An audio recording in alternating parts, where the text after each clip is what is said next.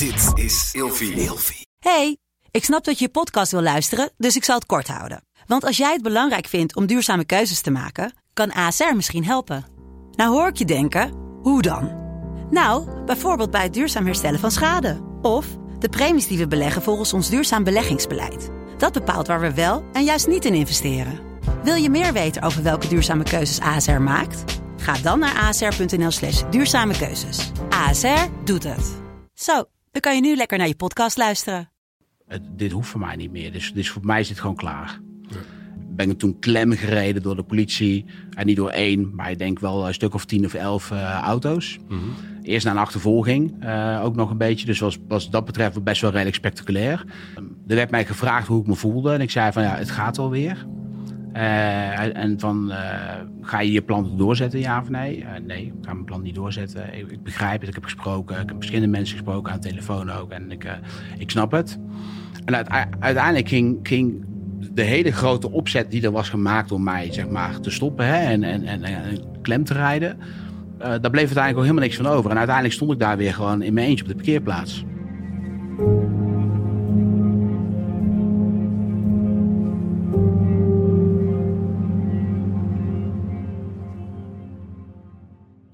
Welkom bij deze bijzondere aflevering van Scherpschutters. Jullie gaan zo meteen kijken of luisteren naar een bijzonder gesprek tussen twee mannen, Gino en Ameel, in de Scherpschutters studio. Ik ben daarbij aanwezig, maar niet in beeld. De reden dat ik deze twee heren de kans heb gegeven om op deze manier een gesprek te voeren is omdat de thema's die daar besproken worden mij heel erg belangrijk lijken. Ik zie dat veel mannen moeite hebben om hulp te vragen. En ik denk dat in dit gesprek, een heel natuurlijk gesprek tussen twee kerels die bij wijze van spreken dat net zo goed hadden kunnen doen zonder camera's, raken heel goed de moeilijkheid die daarbij komt kijken en hoe het soms kan gebeuren dat je op een bepaalde manier kan vastlopen. Vooral vanuit iets wat eigenlijk voor ons mannen, als ik even vanuit mezelf spreek, heel erg natuurlijk is. En dat is, uiteindelijk fix ik het zelf wel. En dat is ook vaak zo en dat is ook vaak nodig. En dat is ook een hele goede skill om te hebben, laat ik dat voorop stellen. Maar er komt een punt waarop je wellicht hulp nodig hebt en iedereen dat wel eens nodig heeft. En dat is helemaal niet erg. Dus ik wil vanaf deze kant mijn bewondering uitspreken voor met name Gino, die zijn ervaring deelt over iets wat hem natuurlijk heel erg moeilijk, eh, voor hem heel moeilijk is om te delen. Waarop jullie in de intro al zagen dat hij eh, een moment heeft gehad dat hij geen andere uitweg meer zag dan een einde te maken aan zijn leven. Gelukkig is dat niet gelukt en kan hij met jullie zijn ervaring delen. Dus luister mee naar hoe hij dat heel mooi kan beschrijven, wat er in dat traject daarvoor, maar ook daarna gebeurt. En hoe de, ja, die dynamiek daarin eh, hem tegenwerkt aan de voorkant en hoe de hulp daarin tekortschiet aan de achterkant. Laten we eens eh, gaan kijken. En mochten jullie zelf nou met dit soort thema's spelen en je niet in staat bent om hulp te vragen bij je naaste of collega's of iemand anders die je kent, bel dan 113. En wat je ook doet, er is altijd een weg voorwaarts. Nou, welkom uh, Alim. Het, uh, we, hebben, we, zijn- we zitten hier nu hè, naar uh, een gesprekje wat we gehad hebben via LinkedIn een tijd geleden. Uh, waarbij jij ja, inging op, op een vraag die mij triggerde en andersom eigenlijk precies hetzelfde. En toen heb ik jou gevraagd van joh, misschien is het wel gaaf om samen eens een podcast over op te nemen. Want het is een onderwerp dat ons beiden interesseert. Ja. Um, het gaat over een stukje therapie en trainen. En eigenlijk uh, gewoon dingen die je de laatste tijd gewoon sowieso wat meer ziet. Hè? Mensen die uh, lopen met bepaalde klachten. Maar goed, voordat we heel erg de diepte ingaan, hè, dacht ik uh, misschien is het goed om even dat jij jezelf voorstelt. Hè? Want wie is Halim eigenlijk? Hè? Dus ja. ja. als je dat zou willen doen. Ja, nee, heel goed. In ieder geval super tof dat ik hier mag zijn vandaag. Ja. waardeer ik enorm. En ja, ik ben Halim. We kennen elkaar uit de CrossFit-wereld al een tijdje. Ja. Ehm, ik heb uh, acht jaar uh, samen met de compagnons uh, CrossFit Site gerund in Roosendaal. Uiteindelijk de besluit, de besluit genomen om daar uit te stappen. Ja. Ehm, net voor corona eigenlijk. We zouden meer tijd met gezin. Ik wilde even een jaartje sabbatical, zouden gaan reizen. Nou, er is allemaal niks van terechtgekomen door corona. Ja, precies. vader van twee kinderen. 38 jaar inmiddels alweer. En ehm, ja, nu freelance ik eigenlijk als, als coach, trainer, crossfit trainer, kickbox trainer, uh, vitaliteitsconsultant. Uh, ja, moet je ja. noemen. Ja, want je bent wel gewoon eigenlijk in de sport gebleven al die tijd. Hè? Ja. je hebt er wel een andere zeg maar, andere uh, draai aangegeven voor jezelf. Ik weet nog wel dat toen ik in 2017 hier begon bij RBC Fitness, dat jij toen bezig was inderdaad met ja, het ondersteunen van andere crossfit-boxen. Hè, met misschien een andere weg op te gaan of mensen daarin een stukje te kunnen helpen, te kunnen managen. Nou, toen heb je mij in ieder geval een heel eind op weg geholpen. Hè, omdat wij stonden toen ook echt wel voor een hele groot vraagstuk. Grote ruimte, andere richting, introductie van ID-coaching. Nou goed, daar hebben we al vaak over gehad bij deze podcast ook. Uh, en nu, en dat triggerde mij ook een beetje, we gingen het over uh, het onderwerp uh, ja, trainen is goedkoper dan therapie. Ja. En dat triggerde mij. En, maar goed, misschien kan je eerst wat daar vertellen precies wat dat, want wat, wat is trainen is beter dan therapie. Dat klinkt natuurlijk heel erg als een, nou, als ja. een groot vangnet van, nou jongens, zo, dit moet ik even gaan lezen. Dat vind ik wel interessant. Nou, het is, het is een beetje natuurlijk gechargeerd neergezet. En dat is ook de bedoeling om mensen een beetje te prikkelen, een beetje te trikkelen. Wat bedoel je daar nou mee? En ik zeg, ik probeer absoluut niet te claimen dat trainen beter is dan therapie. Trainen is ook goedkoper vaak dan therapie een uurtje trainen. maar ik ben ja, als coach, als trainer wel een beetje zoekende gegaan van oké, wat, wat wil ik zelf nou doen als, als coach, maar ook als mens, als vader, als partner. Je gaat uiteindelijk toch een beetje zelf reflecteren van oké, wat, wat, wat kan en wil ik betekenen ook voor, voor de wereld. En dat is een heel groot iets. Ja. Ook op LinkedIn een keer een stukje over geschreven van uh, betere wereld begin met jezelf. En uh, dat vind ik ook helemaal waar. Alleen het is vaak zo ongrijpbaar. Een, een, betere wereld achterlaten voor je kinderen. en ik las toen nooit de quote van Ronald Reagan volgens mij. Die zei van ja, je kunt niet iedereen helpen. Maar iedereen kan iemand helpen. Ja, dat is wel, ja. wel een beetje een mantra voor me geworden van iedereen kan iemand helpen. En, en zo'n beetje zoektocht uh, gestart bij mezelf ook van oké, hoe kan ik dat dan doen? En zo kwam bij best wel een hoop onderzoeken terecht van dat trainen en boeken ook gelezen. Ehm, dat trainen echt een, een waardevol toevoeging kan zijn uh, of in ieder geval een onderschoven kindje misschien wel is uh, in de behandeltrajecten voor mensen die bijvoorbeeld kampen met, met uh, depressie of depressieve klachten of angststoornissen, anxiety of mensen die ja, wat, wat voorheen burn-out ja. genoemd werd. Ehm, en ehm, toen dacht ik van nou, en zodoende heb ik eigenlijk gechargeerd neergezet van nou, trainen is goedkoper dan therapie. Ja. Um, en wil ik eigenlijk mensen meenemen of meer bewust maken van het feit dat we sporten en we trainen nu heel vaak van... ik wil fit worden, ik wil wat afvallen, ik wil er beter uitzien. Uh, in, in, in zwemkleding. En dat is natuurlijk een heel mooi iets. Maar, maar de intrinsieke motivatie daarachter, weet je al, dat, uh, wat het veel meer voor je kan betekenen, ook voor de rust in je hoofd.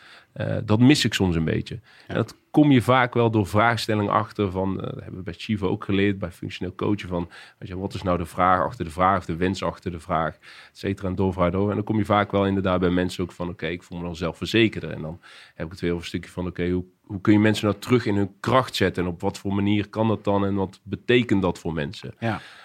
Um, en zodoende dacht ik van, nou, dan vind ik trainen is goedkoper dan therapie, vind ik wel een mooie trigger om uh, de eter in te gooien. En, ja. uh, en, en te mensen aan het denken te brengen. Ja, is het nu, nu iets waar je jezelf mee bezig gaat houden of wil gaan houden? Of is, de richting op die je aan het denken bent? Het is wel een kant waar ik op uh, zou willen bewegen. Uh, ik, ben, uh, ik, heb, ik heb heel de tijd gecrossfit. ik ben nooit echt een, een, een, atleet geweest. Ik heb gefinished, ik heb gejudo'd, ik heb gevoetbald. Ik, ik, was er nooit een held, een ster of zo in. Hmm.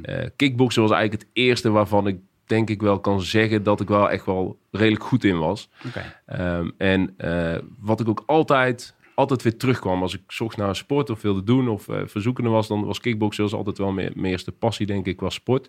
Die ik echt gevonden waar mijn eigen in kwijt had. En ik vind boksen of kickboksen of vechtsport vind ik dan ook wel een hele mooie metafoor naar het leven. Van leren incasseren, klappen krijgen, uh, verdedigen, weet je wel, strijdvaardig zijn.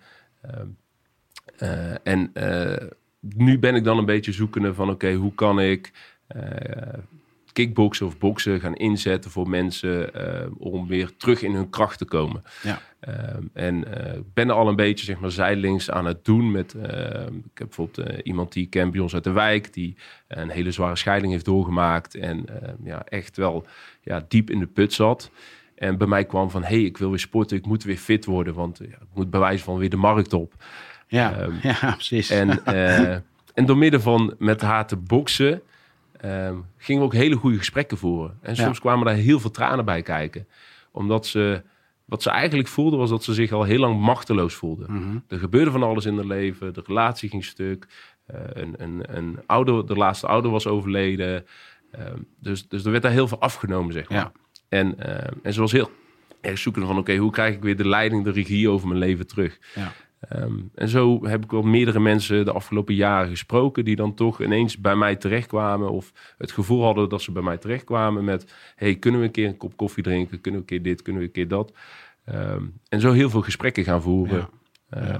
en Ja, die vond sorry. Dus, ehm, nee, ik vond, kijk, ik, de, de, de, de reden dat jij toen zeg maar eh, mij triggerde met, eh, met jouw eh, posten op LinkedIn, hè, we hadden ook met name te maken omdat ik zelf in, in, zeg maar 2020, 2021 eh, voor mezelf al door een heel die- dop, hè, de diep donker dal ben eh, geweest. Mhm. En dat hebben ook een aantal mensen zeg maar, om me heen van behoorlijk dichtbij meegemaakt. En eigenlijk de, de tijd daarvoor was het voor mij eigenlijk altijd van... eh, vond ik het al best wel lastig, weet je. Heel gezapig, heel eh, ja, een beetje zacht als mensen met problemen te maken hadden. Ja. Hè, dus eh, je maakt wat mee en ja, dat mensen daar dan ook heel lang in konden blijven hangen. Hè? Soms er zelfs ook niet uit konden komen.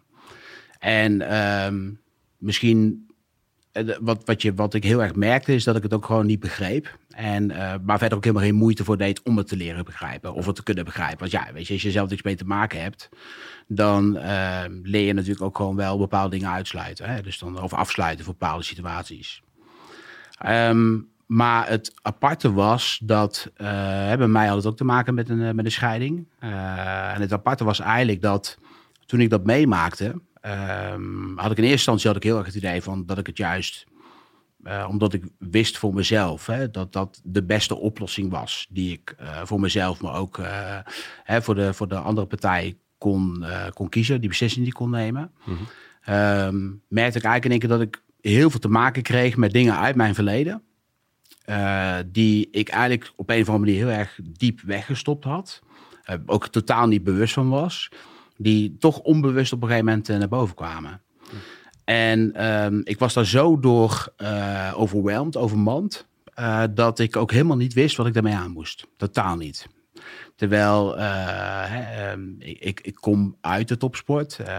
ook competitie gedaan bij CrossFit. En daarvoor hè, MX2 motocross gedaan. Ik ken eigenlijk geen andere wereld dan sporten en trainen en rammen en doorgaan.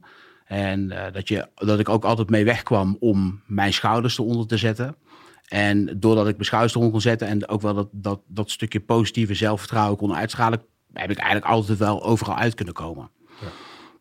Maar toen op dat moment in één keer niet meer. En dat, is een, dat was voor mij echt een waanzinnig rare gewaarwording. Want eh, waarom niet?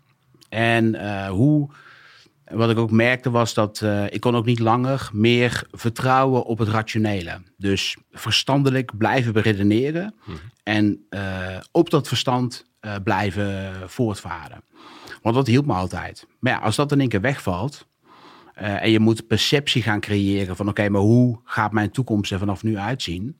En dat je dat dan niet lukt, dat is iets wat je, eh, ja, dat, dat was voor mij gewoon eigenlijk wel zoiets van ja, maar dat, als ik dat niet meer kan, uh, wat heeft het dan nog voor nut voor mij om, uh, ja, zeg maar, uh, nou niet zo nut, maar wat, wat, hoe kan ik dan het gevoel onderdrukken waar ik nu mee te maken heb? Want ook dat gevoel wat ik, onder, wat ik, wat ik ervaarde, was iets heel nieuws voor mij. Want dat had ik nog nooit op die manier ervaren. En dan zie je in één keer ook, en ik kan me wel herinneren, volgens mij ooit een keer een artikel, was voor ook van Shiva. Van Shiva was van, hè, mensen zeggen heel altijd, um, gevoel en verstand moeten met elkaar in balans zijn. En, uh, maar dat is helemaal niet zo. Je hebt altijd een onbalans daartussen zitten. Maar toen merkte ik eigenlijk gewoon dat de, balans, de onbalans was zo ontzettend groot geworden. Dat, uh, dat het leek alsof het verstandelijke eigenlijk ook gewoon helemaal wegviel. Dus eigenlijk helemaal weggevaagd werd. En dat, uh, dat gevoel, dat, was zo, dat zat zo diep. Dat ik aan mezelf merkte dat ik, dat ik er alles voor over had om dat gevoel te stoppen. Want het was, het was too much. Dus dat heeft te maken met een stuk emotie. Uh, en ik vind voor mezelf, tenminste toen de tijd vond ik mezelf helemaal geen emotioneel persoon. Uh, maar toen in één keer kwamen heel veel dingen eruit. En het lastigste was, is dat ik het niet kon verklaren waarom. En waar komt het vandaan? En daar worstelde ik elke dag mee. Maar ook elke seconde, elke uur van de dag worstelde ik daar continu mee. Tot ik op een gegeven moment merkte van, nou, ik, kan, ik, kan niet meer, ik kan gewoon niet meer functioneren. Ehm, ik, kan er niet, uh, ik had niemand in mijn directe omgeving met wie ik het gesprek kon aangaan om daarover te gaan praten. Dus, en dat was ik ook helemaal niet gewend. Dus ik wilde altijd alles alleen oplossen. Dus nu ook. Hè. Ik bedoel, hey, kom op eh, Gino. Uh, rammen, doorgaan, komt wel goed. Dus je gaat ook een beetje allerlei dingen die... je gaat wel lezen erover, dat deed ik dan wel. Maar ik merkte heel snel van, ja, dit, dit werkt gewoon voor geen meter. En wat ik toen opviel, en dat was natuurlijk ook jouw artikel ook... is gewoon dat ook mijn trainen, iets waar ik heel lang altijd op heb kunnen bouwen... Uh, viel eigenlijk ook een beetje gewoon naar de achtergrond toe. Uh, ik had ook helemaal geen zin meer om te trainen. Terwijl ik weet hoe goed het is voor je. Maar ik merkte ook gewoon op dat moment niet meer dezelfde effecten die ik normaal van trainen ervaarde. Die vielen ook meteen weg. En um, daarom triggerde het artikel natuurlijk ook inderdaad van ja, weet je, en, dat was natuurlijk jouw bedoeling ook. Uh, hè? Uh, trainen is de oplossing voor alles en therapie is helemaal, uh, helemaal, helemaal niks. en, en, en, dat deed je natuurlijk hartstikke goed, want ik, ik bedoel, ken jou ook al wat langer, dus ik wist ook wel dat je dat niet bedoelde daarbij. Maar het, voor, voor mij viel het op dat moment wel weg. Ja. Um, ja, en dan wordt het wel in één keer wat lastiger om daar mee om te leren gaan. Nee, op die dat, momenten. Dat, snap ik heel goed. Jouw basis werd een, een stuk weggerukt uh, natuurlijk. En uh, alles waar je tot dan toe op kon vertrouwen, ja. uh, er werd alles een vraagteken voor je. En als gezondheid.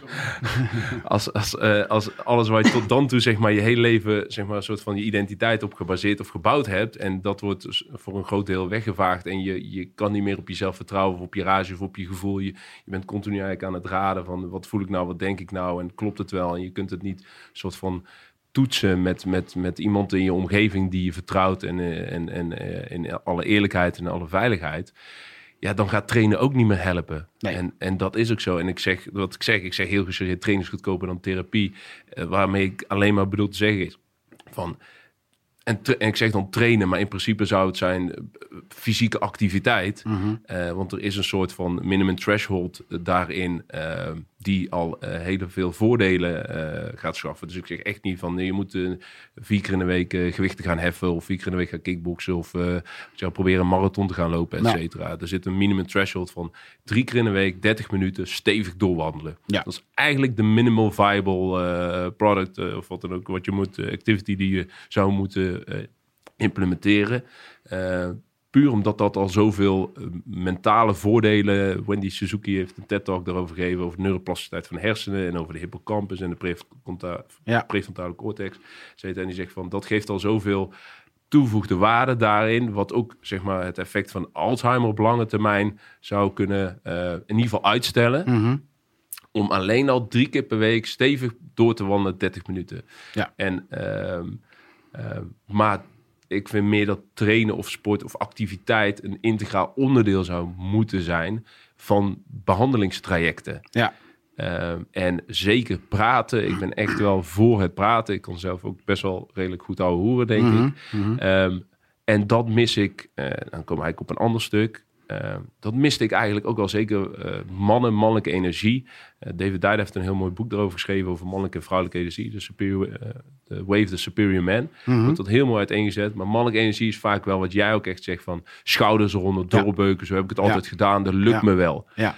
En ik heb ook vrienden die dat hebben gedaan. Vrienden die gingen scheiden, waarbij je dus echt zo van op het laatste moment wordt meegenomen van oké, okay, we gaan scheiden. En dan ja. denk ik, holy shit, weet je wel, je bent het laatst niet gehoord. Je bent met een van mijn beste vrienden. Ik heb niet eens gehoord dat het slecht ging. Nee, precies. Weet je wel? Of een andere vriend van me die zei van, hey, ik, uh, ik, uh, ik ga uh, verhuizen. We gaan een tijdje uit elkaar wonen. Kun je me helpen verhuizen dan en dan? En ik, sorry, ik heb, ik heb daar duidelijk iets in gemist in het traject. En waarom? Weet je wel, waarom zijn, wat is mijn waarde dan als vriend als ik jou niet kan bijstaan in jouw moeilijke momenten? Ja.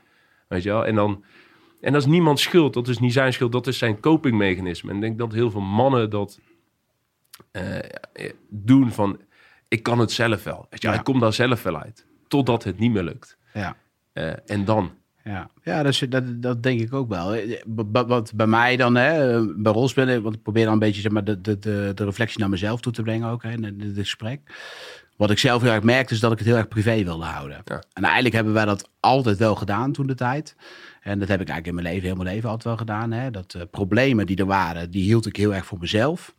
Want dat wilde ik niet uitstralen naar de buitenwereld toe. Uh, en ja, dat denk ik ook wel dat ik dat een beetje vanuit huis meegekregen heb. En wat ik ook merkte is dat uh, je ziet wel dat er een behoefte is om met iemand te over praten. Maar dat je dan vervolgens het lastig vindt om dan bijvoorbeeld een selectie te maken of te kijken, oké, okay, met wie dan? Weet je, wie zou mogelijkerwijs uh, uh, zich niet ongemakkelijk gaan voelen om daar met mij over te gaan praten? En hoe begin ik dat gesprek dan vervolgens ook? En nou goed, ik ben, ik ben in mijn leven, ik ben 24 keer verhuisd uh, in mijn leven. Dus, dus dat is echt ongekend veel. Dat slaat helemaal nergens op. Uh, dus ook iets, iets, iets waar we niet over praten in de familie, hè, 24 keer verhuisd zijn. Uh, maar wat ik wel erg merkte is dat ik dus ook, uh, dat mijn sociale wereld waar ik in zat, die was, ook, die was eigenlijk heel klein. Zo klein dat ik dus eigenlijk ook geen keuze kon maken van, oké, met, met wie ga ik het er dan over hebben? Dus dan is mijn coping op dat moment ook geweest van, dan ga ik het wel met mezelf over hebben. Ja. En toen ging ik op een gegeven moment ging ik ook een soort van video's zelf opnemen, waarbij ik eigenlijk gewoon aan mezelf uitlegde hoe ik me voelde die dag. Want ik dacht, als ik dat doe, weet je, dan ga ik op een gegeven moment ga ik wel zien dat het beter met me gaat. Want hier, hier zie ik er nog zo uit. En, en, en misschien over tien dagen, dan uh, zie ik er anders uit. Dan ben ik misschien al wat positiever. En dan daarmee kan ik dan mezelf wel een klein beetje uit dat gat uh, trekken. Nou, dat, dat, voor mij werkte dat echt voor geen meter. Uh, terwijl ik het wel heel redelijk consistent heb volgehouden. Maar ik merkte eigenlijk heel zelf dat het gewoon eigenlijk helemaal niet beter ging. Dus, uh, en, en, op een gegeven moment had ik echt zoiets van, nou weet je, ik ben er, ben er zo klaar mee. Dit gevoel wens ik, en dat meen ik echt gewoon, dat wens ik zelf niet mijn ergste vijand toe omdat ik uh, dacht van ja, je kan nog beter uh, bewijzen van uh, een auto-ongeluk krijgen. Dan dat je door de rest van je leven moet doorgaan dat je dit gevoel blijft houden van binnen. Hè, dus het is ook niet iets wat ik nou heel erg kan beschrijven in ja, in, een, in een soort van visueel aspect of wat dan ook. Maar het, het, was echt iets gewoon, je merkt, ja, dit zit gewoon echt in mijn lijf, weet je. En het leeft in mijn lijf en, het, en het wil er ook niet uit. Uh, maar het, uh, het, uh, het houdt me wel elke seconde van de dag houdt het me bezig. Hè? Dus op een gegeven moment ging ik ook echt wel dingen uitproberen. Hè? ook dingen die ik als coach eigenlijk helemaal niet kan maken. Hè, dus uh, bijvoorbeeld op een gegeven moment uh, ben ik uh, bijvoorbeeld ben ik, ben ik eens een keer een blootje gaan proberen. Kijken of ik rustig kan worden. Hè, of op een gegeven moment ben ik een, een sigaret gaan proberen om te kijken of dat me rustiger maakte. Of bijvoorbeeld bepaalde medicatie om te kunnen gaan slapen. Ja, en eigenlijk merk je dat alles was gewoon continu kortstondig. Dus op een gegeven moment kwam ik ook echt op een punt dat ik dacht van nou, dit, dit gaat nooit meer voorbij. Dit, dit raak voor de rest van mijn leven, draagt dit mee. Hm. want het was al bijna, denk ik, toch wel een half jaar geleden dat ik de stap had genomen om dus uh, thuis weg te gaan. En uh, toen heb ik een hele lange tijd heb ik hier uh, in de gym gewoond. Dus ja, dan ben je zoveel met jezelf alleen. En dan ben je zoveel aan het soort van reflecteren of zoeken naar antwoorden. Want ik wilde eigenlijk gewoon juist antwoorden hebben op mijn vraag van waarom, hè, waarom gebeurt het? Waarom kan ik het niet oplossen? Dat op een gegeven ogenblik het voor mij zo diep zat dat ik dacht van, weet je wat, uh, voor, het, dit hoeft voor mij niet meer. Dus, dus voor mij is het gewoon klaar. Ja. En dat klinkt nu. Uh, het, het, het, gekke is, hè, mensen vragen ook wel eens aan mij van: hey, als je nu terugkijkt op die periode, hoe sta je daar nu in? Dan, ik, dan zeg ik altijd van ja, weet je, ik, ik begrijp de persoon die ik toen was, uh, dat ik toen die beslissing nam, dat begrijp ik nog steeds. Daar sta ik ook, denk ik, zelfs nog steeds wel achter. Alleen ik zou nu niet meer dezelfde beslissing nemen. Omdat ik nu uh, uh, ja, mentaal gewoon heel anders uh, ja, zeg maar, gewired ben geraakt. Hè? Door, ja. door, door de dingen die ik heb doorgemaakt en uiteindelijk de hulp die ik dan zeg maar, daarin enigszins wel heb kunnen vinden. Alleen de persoon en wat ik toen ervaarde, en ook al kan ik niet per se helemaal teruggaan naar het gevoel wat ik toen had, begrijp ik wel. ik begrijp wel waarom dat ik toen de beslissing nam van voor mij hoeft het nu niet meer, voor mij stopt het nu. Ja. En uh, ik ben ook, uh, ik was ook die dag dat ik voor mezelf die beslissing genomen had. En dat ik ook echt wegging hier. En dat ik uh, onderweg was met van, hé hey, jongens, ik heb voor mezelf een plan gemaakt. En ik weet nu wel gewoon hoe ik het, hoe ik het voor mezelf moet gaan oplossen. Um, was ik ook heel boos eigenlijk dat, dat, zeg maar, dat er een, een interference was zeg maar, op, dat, dat, op dat vlak. Hè. Dus um, ik ben toen die dag, en dat kan ik nu wel een klein beetje terugkijken. Ja, enigszins misschien wel een klein beetje uh, met een, met een soort van lachen. Hè. Dus ik ben toen klem gereden door de politie. En niet door één, maar ik denk wel een stuk of tien of elf auto's. Mm -hmm. Eerst naar een achtervolging, ook nog een beetje. Dus was, was dat betreft best wel redelijk spectaculair. Ja, dat weet, je, weet jij ook nog niet natuurlijk. Dus ik denk, nou, dat hou ik van de, voor, hier, voor hier dan maar even vast. En uh, ben ik, maar ben ik uiteindelijk klem gereden en ben ik uit de auto gehaald. En ik wilde eerst wilde ik niet uit de auto ook niet. Dus, uh, en ben ik uiteindelijk ben ik, uh, ben ik neergezet en zijn ze bij me gebleven. En toen uiteindelijk is er, een, is er ook iemand naar me toe gekomen die me opgehaald heeft. Het grappige was wel dat ik dan, en dat is misschien wel een beetje de stap die we kunnen maken naar het traject daarna is dat uh, er werd mij gevraagd hoe ik me voelde. En ik zei van ja, het gaat alweer. Uh, en van, uh, ga je je plan doorzetten, ja of nee? nee, ik ga mijn plan niet doorzetten. Ik, ik, begrijp het, ik heb gesproken. Ik heb verschillende mensen gesproken aan de telefoon ook. En ik, ik snap het. En uiteindelijk ging, ging de hele grote opzet die er was gemaakt om mij zeg maar, te stoppen hè, en, en, en, en klem te rijden. daar bleef uiteindelijk ook helemaal niks van over. En uiteindelijk stond ik daar weer gewoon in mijn eentje op de parkeerplaats. Oké. Okay. Eigenlijk heel apart. Ja. Want ik was wel degelijk natuurlijk op dat moment gewoon een gevaar voor mezelf geweest.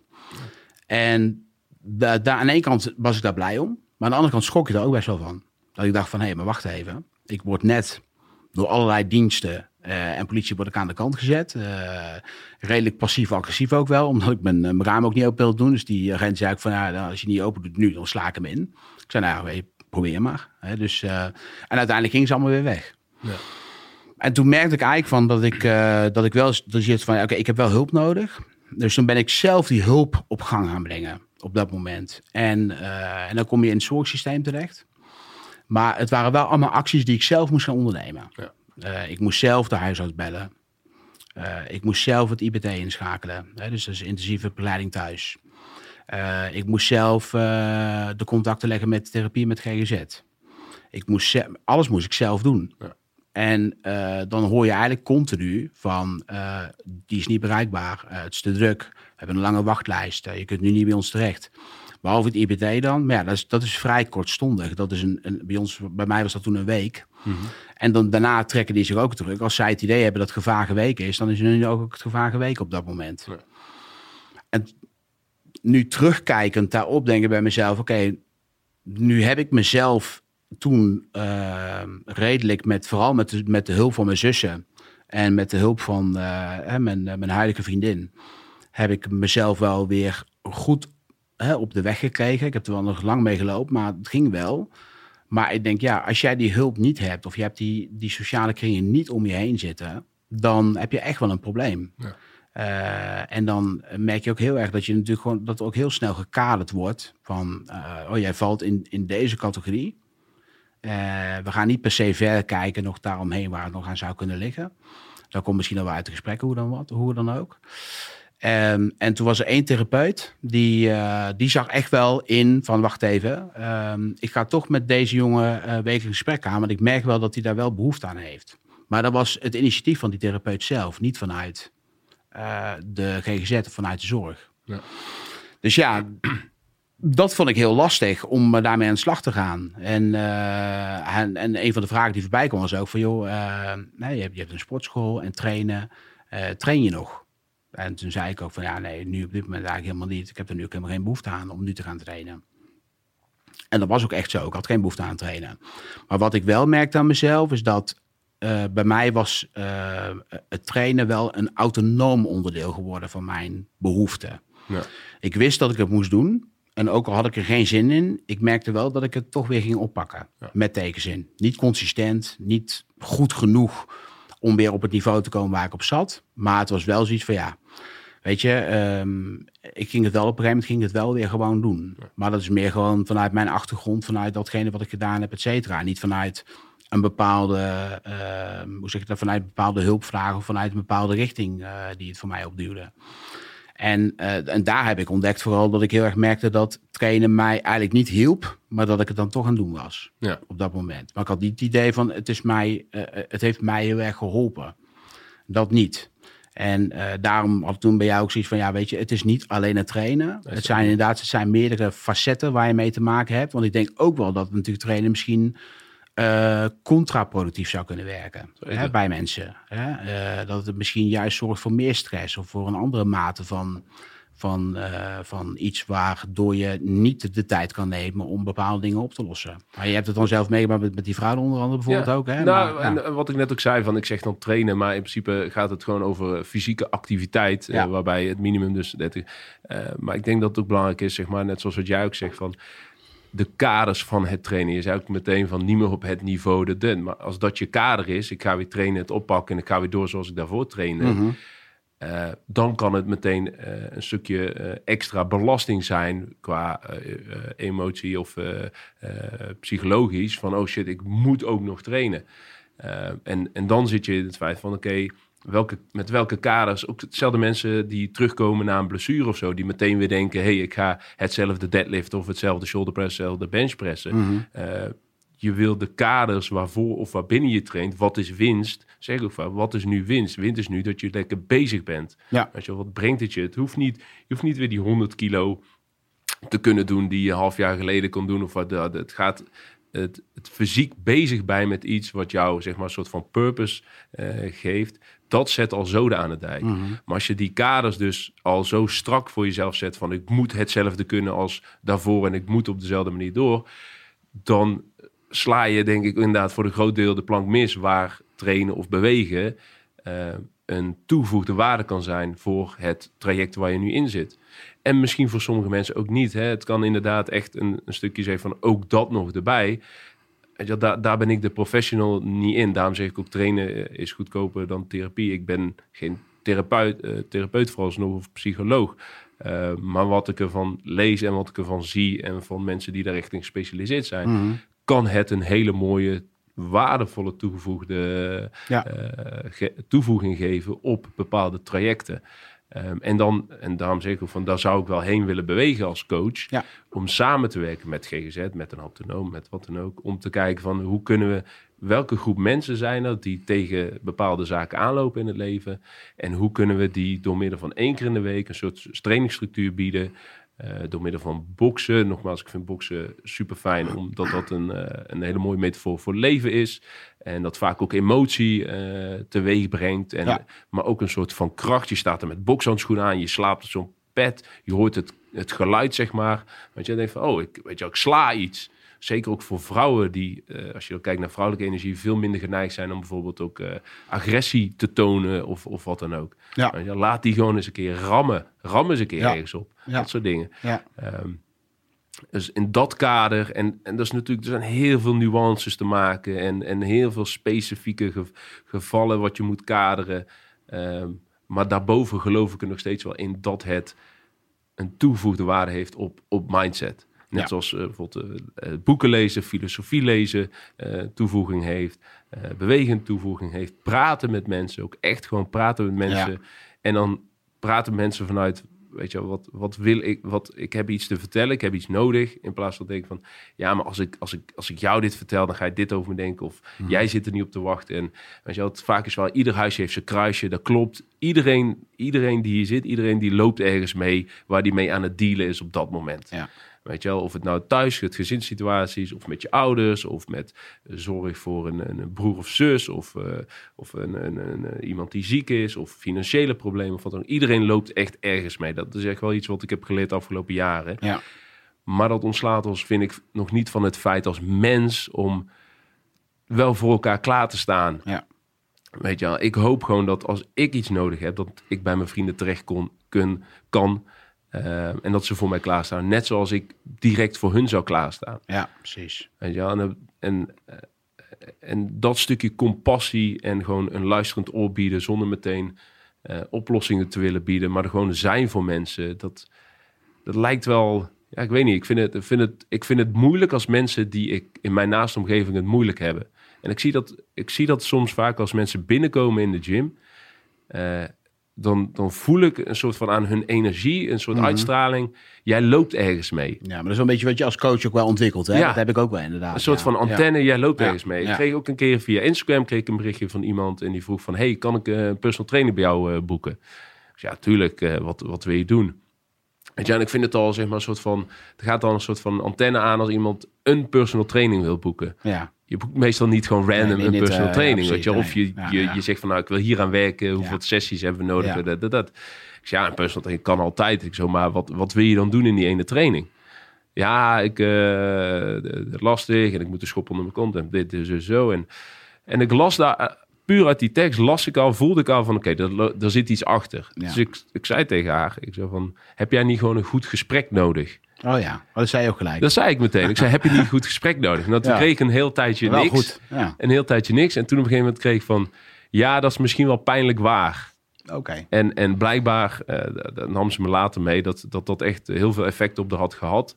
Uh, dat ik dat zeg maar al soort van analyseerde op basis van een Instagram chat. Dat snap ik. Um, en toen had ze ook meteen de stap genomen om haar haptonoom te bellen... om een afspraak te, te maken.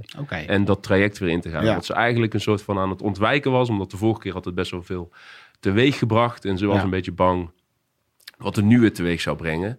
Maar ze dacht, ja, als iemand, als Halim al aanvoelt aan mij dat er iets is, dan is het tijd om, om zeg maar weer eh, begeleiding te zoeken. Ja, terwijl Helly bekent mij verder helemaal niet. En die, die zegt Nee, het al. ja, weet je, die traint één, twee keer per, twee keer per week. eh, Ja. Zie ik haar in de groep met eh, twaalf andere mensen of dertien andere mensen. Dus, de, dus weet je, alleen al dat zo, zo van ja, compassie naar je medemens. En dat klinkt allemaal soms heel zweverig en, en heel veel mensen gaan daarop uit. Maar ehm, ik heb wel de afgelopen jaren echt wel gemerkt hoeveel het voor mensen kan doen als je net één, twee vragen extra st- stelt. Ja. Zeg van, hey, gaat het wel met je? Als je ziet dan iemand van, het, het gaat niet helemaal lekker met je. Gaat het wel met je? Ja. Weet je wel, waar loop je mee? Ja. Maar een vriend van mij ook, die zit nu ook in een burn-out. En weet je wel, ehm, waarvan je het nooit zou verwachten. Maar die zit ook ineens in een burn-out. Ook die andere vriend, die gaat scheiden. En, eh, of die, die is al gescheiden inmiddels. eh, en zo, laatst ook bij ons in de buurt, ook een, eh, een, een vader van een vriendinnetje van onze dochter. Die zei of, hey, zo koffie gaan drinken. Nou, ik zei, prima, leuk, gezellig. Maar er kwam ook een heel verhaal uit. Weet je, als je het dan hebt over elk huisje heeft zijn kruisje. Over wat er speelt bij hem. En dan denk je, dat zo'n gelukkig gezin. Mhm. Maar iedereen is ergens mee aan het dealen. Ja.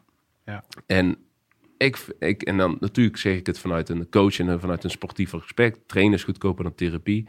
Maar, weet je wel, dan kunnen we ook zeggen, coachen is goedkoper dan therapie. Maar ik vind coachen tegenwoordig zo'n, hoe noem je dat, convoluted, eh, de- Ja, zo'n moeilijke van, eh, term. ja.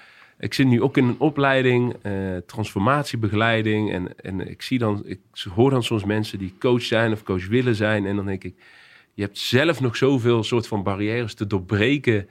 Ehm, eh, en, en dan wordt het een soort van, ook heel veel mensen die uit een burn-out of zo komen, die, die hebben ineens, ik kom uit een Ja, ik burn-out, ik anders baan, ik ga coach Ja, worden. ja.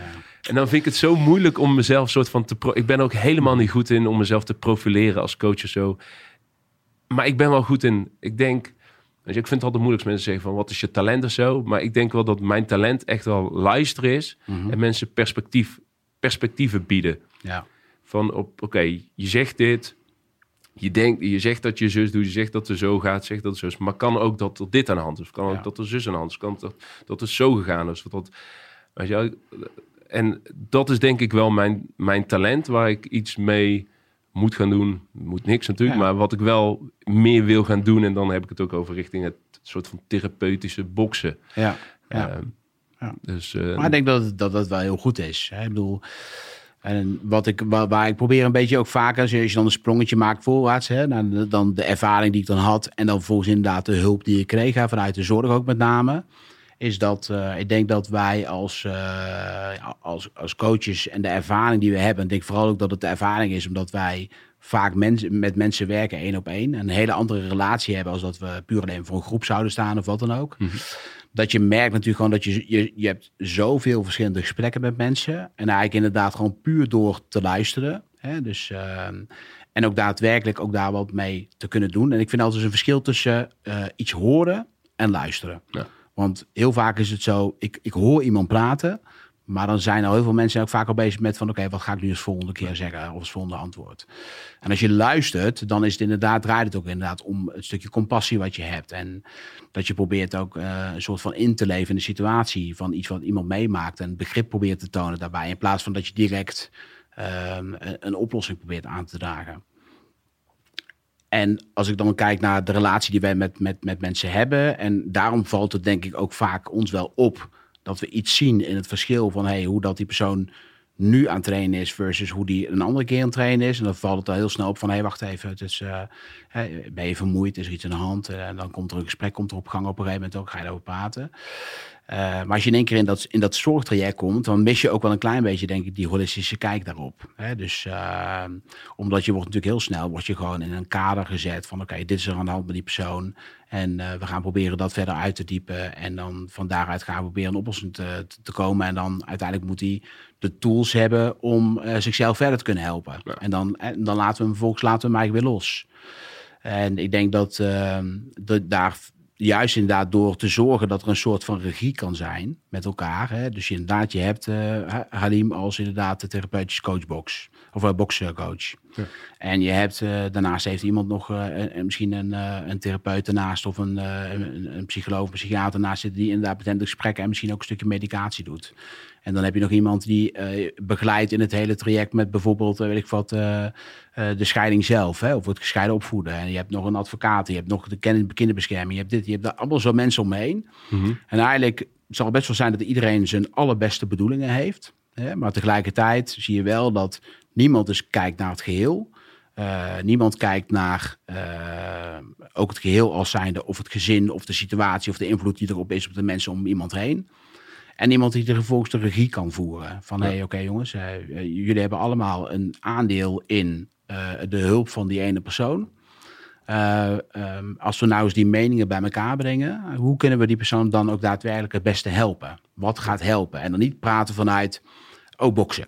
Of uh, nee, praten. Of, hè, dus maar gewoon meer inderdaad van, hey, hoe kunnen we nou die persoon het beste helpen om te zorgen dat die persoon ehm, ja, hier beter uitkomt, sterker uitkomt en ja, gewoon daarmee zijn ervaring uh, ook op een gegeven moment achter zich kan laten en weer door kan pakken in het leven en weer op zoek kan gaan naar zijn eigen geluk. Ja. En dat is best wel lastig om, uh, om, om daar iemand, uh, of tenminste de, de zorg is daar helemaal niet op ingesteld nee. natuurlijk, totaal niet. Nee. Hè, er wordt heel erg gemerkt, gewerkt eigenlijk met bepaalde metrics, zeg maar gewoon van hey, als iemand hier en hier aan voldoet, hè, dan, dan kunnen we hem in dit hokje stoppen. En daar hebben we deze richtlijnen voor om die persoon daarmee te helpen. En als iemand dan volgens eigenlijk daarvan afwijkt, of hij wil, of hij komt tot ontdekking dat hij denkt van ja, maar hey, ik merk de laatste tijd ook wel dat ik hier en hier last van heb, of dat ik dat en dat helpt heel erg goed. Dan is dat heel snel, oh ja, daar kan ik jij niet bij helpen, dan moet je naar iemand anders toe. Ja. En de, ik denk dat dat stukje luisteren en daarmee in de slag gaan, dat vraagt natuurlijk wel gewoon een bepaalde mate van ervaring. Want hè, dat is niet zomaar iets. Maar tegelijkertijd denk ik ook van ja, maar wij zijn coaches, wij zijn ook geen therapeuten. Nee. Dus wij moeten af en toe ook eens opletten natuurlijk gewoon dat wij ook niet een grens overschrijden. Ja. Waarbij wij proberen of denken hè, iemand goed te kunnen helpen. Want dat kan natuurlijk een aantal keren goed gaan. Maar dat zou zomaar ook eens een keertje heel erg fout kunnen gaan ja. hè, op zo'n moment.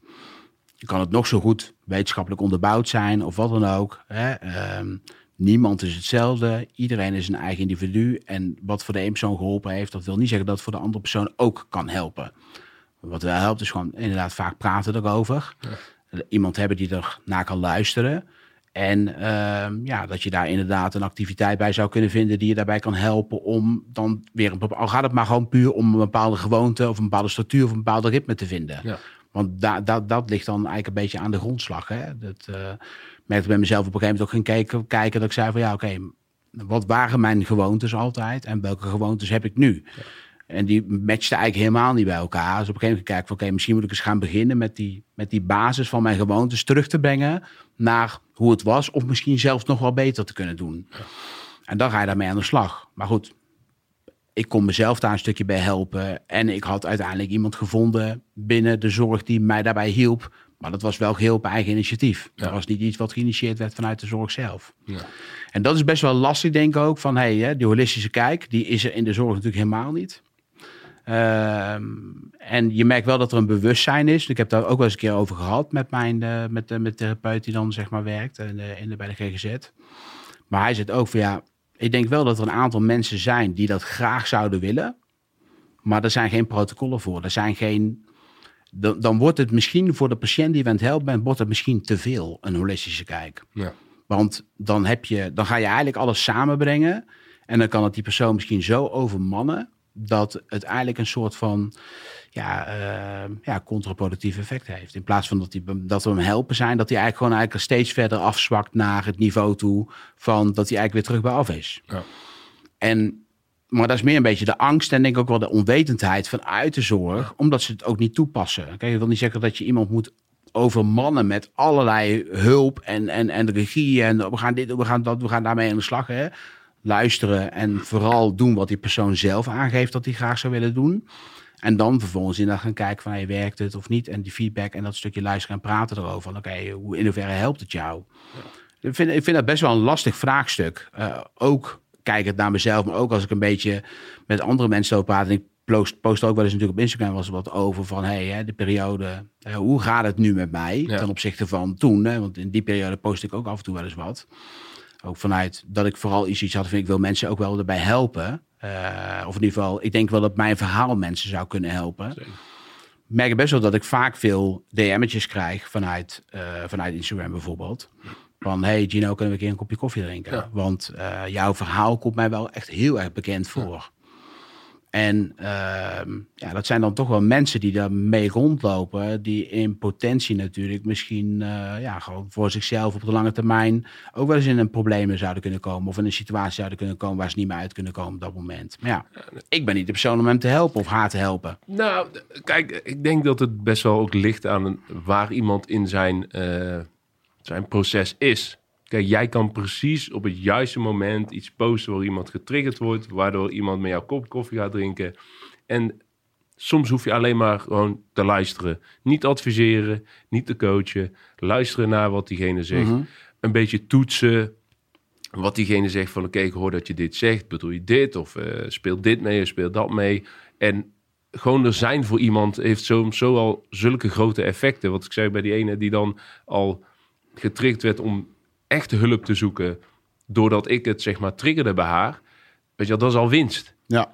Ehm, en wat ik eigenlijk daarmee wil zeggen is dat dat dat denk ik gewoon best wel. Jij kwam, uh, jij had misschien als iemand eerder bij jou had gezegd van Gino, ik zie dat het niet goed met jou gaat. Ja.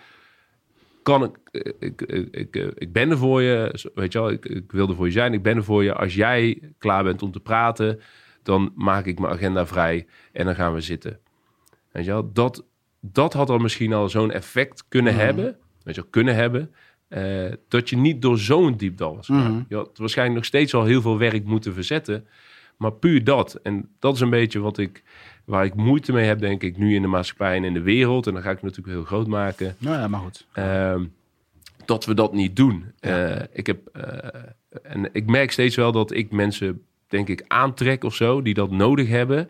Of, of, of eh, weet je, als je dan denkt, in, ik geloof, ben op mhm. zich redelijk spiritueel, denk ik. Of ik geloof mm wel dingen dat je krijgt van het universum of in het leven wat je nodig hebt. De lessen die jij hoort leren. Wat jij ook zei over weet je wel, dingen in het verleden die bij jou naar boven kwamen. Weet je wel, dat was onverwerkt.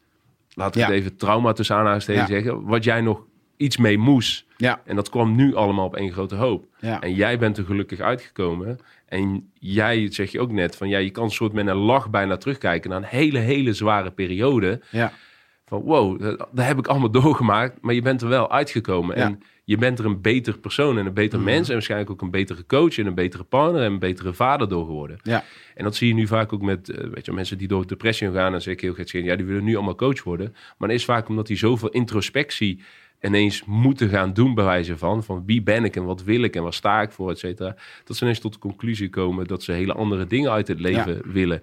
Um, en uh, ik, ik, ik trek, wat ik wil zeggen is van, ik, ik heb nu zoiets dat ik denk dat ik soms mensen aantrek die iets nodig hebben wat ik ze kan bieden. Ja. En dat is vaak gewoon een gesprek.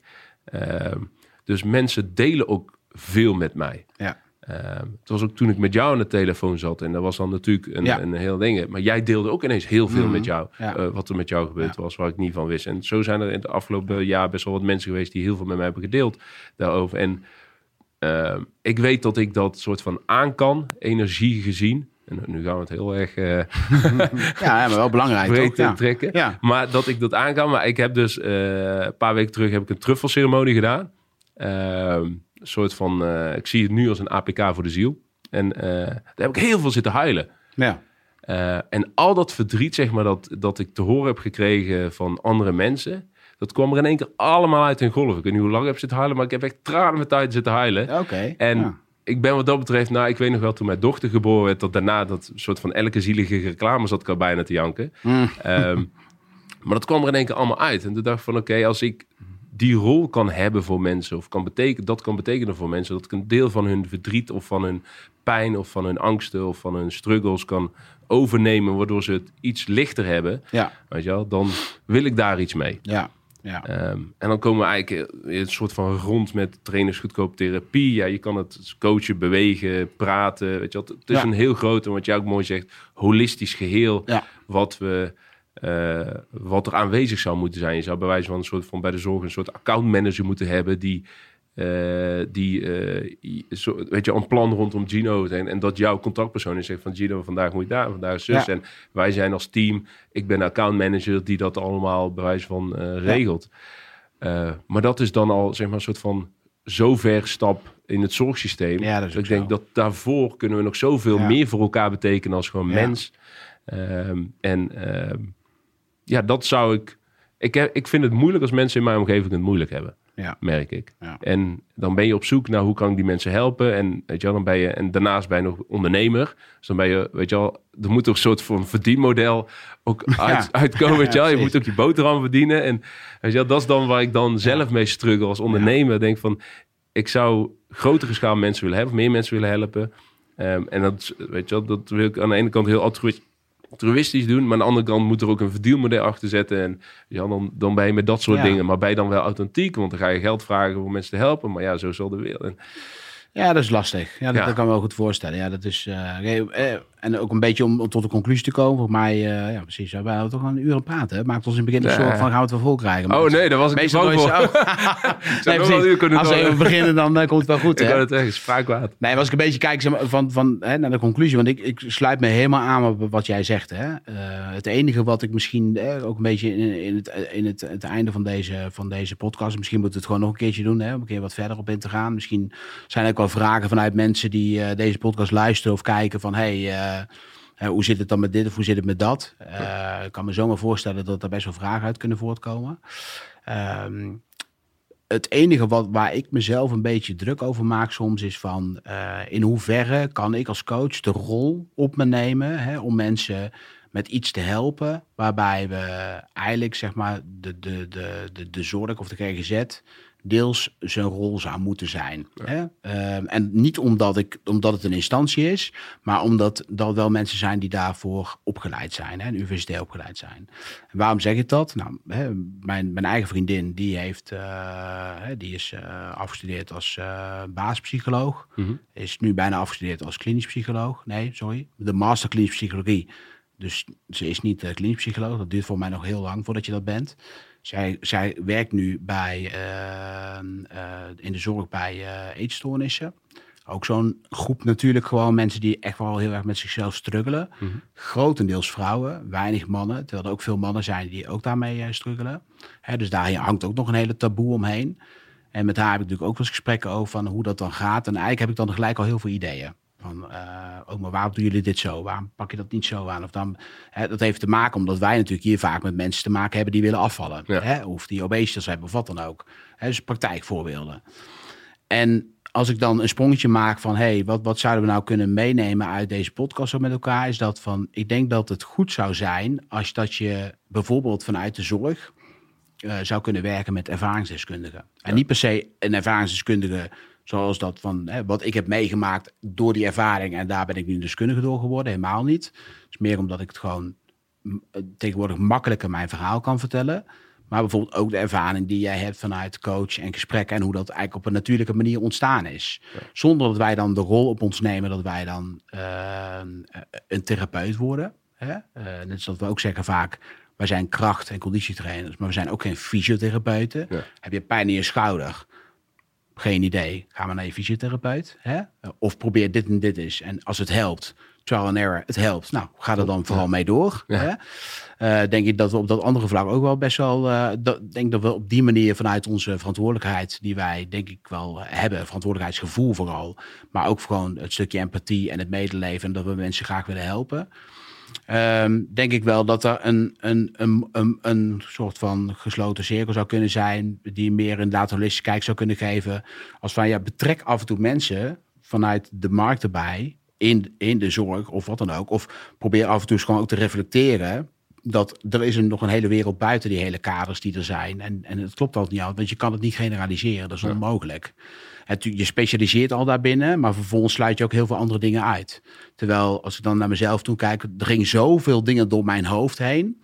Vanuit, hè, ik heb nog een aantal diagnoses gehad daarna ook een keertje. Daar zal ik nu niet over uitweiden, maar gewoon wel dingen die mij op een gegeven moment wel zeiden van, wow, weet je, dit, is, dit palet van deze drie diagnoses die ik nu gekregen heb Um, ja, weet je, uh, het is wel iets wat ik voor de rest van mijn leven mee ga blijven lopen. Ja. Uh, en het is ook niet zo dat ik nu klaar ben. Nee, sterker nog, ik denk dat het voor mij nu eigenlijk pas dat ik helder genoeg ben in mijn hoofd dat ik iets zou kunnen beginnen in een traject. Hè? Want uiteindelijk heeft de zorg mij niet geholpen met waar ik ooit voor daar terecht ben gekomen vanuit de IBT.